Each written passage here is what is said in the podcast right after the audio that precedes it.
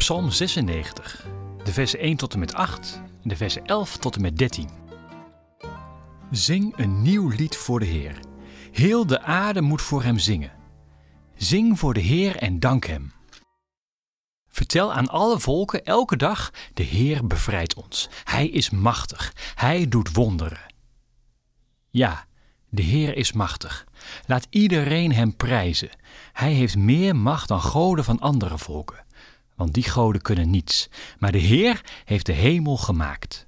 Alles rondom hem is stralend en mooi. Een schitterend licht schijnt in zijn tempel. Volken van alle landen, eer de Heer. Eer hem, want hij is machtig. Breng hem eer, want hij is heilig. Kom naar zijn tempel en breng hem offers. Wees vrolijk, hemel en aarde, zee en alles wat daar leeft, laat je horen. Velden en alles wat daar groeit, wees blij. Juich, bomen in het bos. Juich voor de Heer, want Hij komt. Hij komt als rechter van de aarde. Hij zal eerlijk recht spreken over alle volken. Zijn oordeel is betrouwbaar.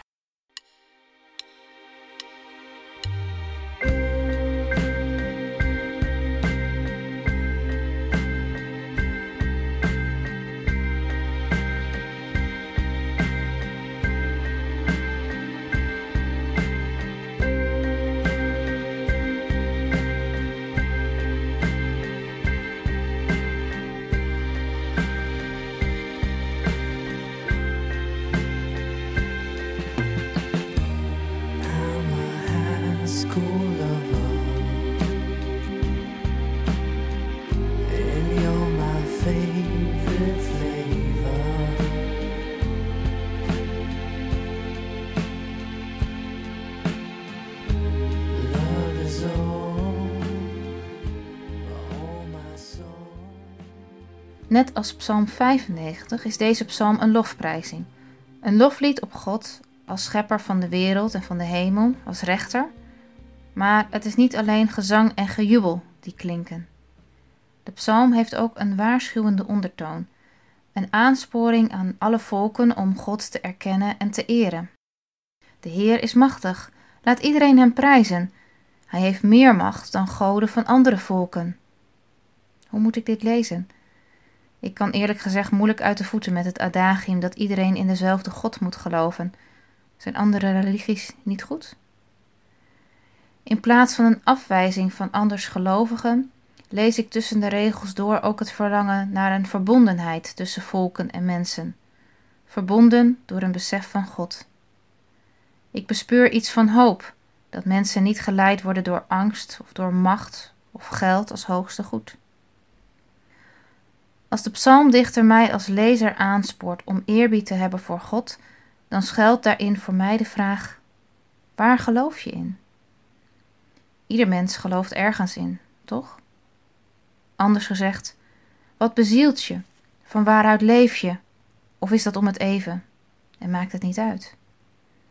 Wat bezielt mensen als ze gaan rellen, elkaar oproepen om met wapens anderen te lijf te gaan?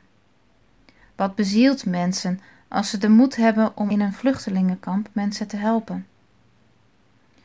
Wat bezielt mensen als ze alles aan de kant zetten voor geld en economie, hun relaties op het spel zetten en de menselijke maat uit het oog verliezen?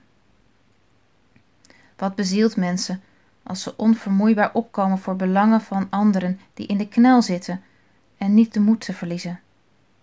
Wat bezielt jou? It does matter. Het doet ertoe door wie of wat je je laat leiden, wat je bezielt, wie je begeistert, welke geestkracht er in je huist. In de psalmen en in de Bijbel klinkt steeds het verlangen dat mensen in het spoor van God, vanuit het goede, vanuit liefde en nabijheid, hun leven leven en niet op dwaalsporen terechtkomen. En die ene God heeft dan wel heel veel verschillende verschijningsvormen. Dat zie je in de Bijbel al terug.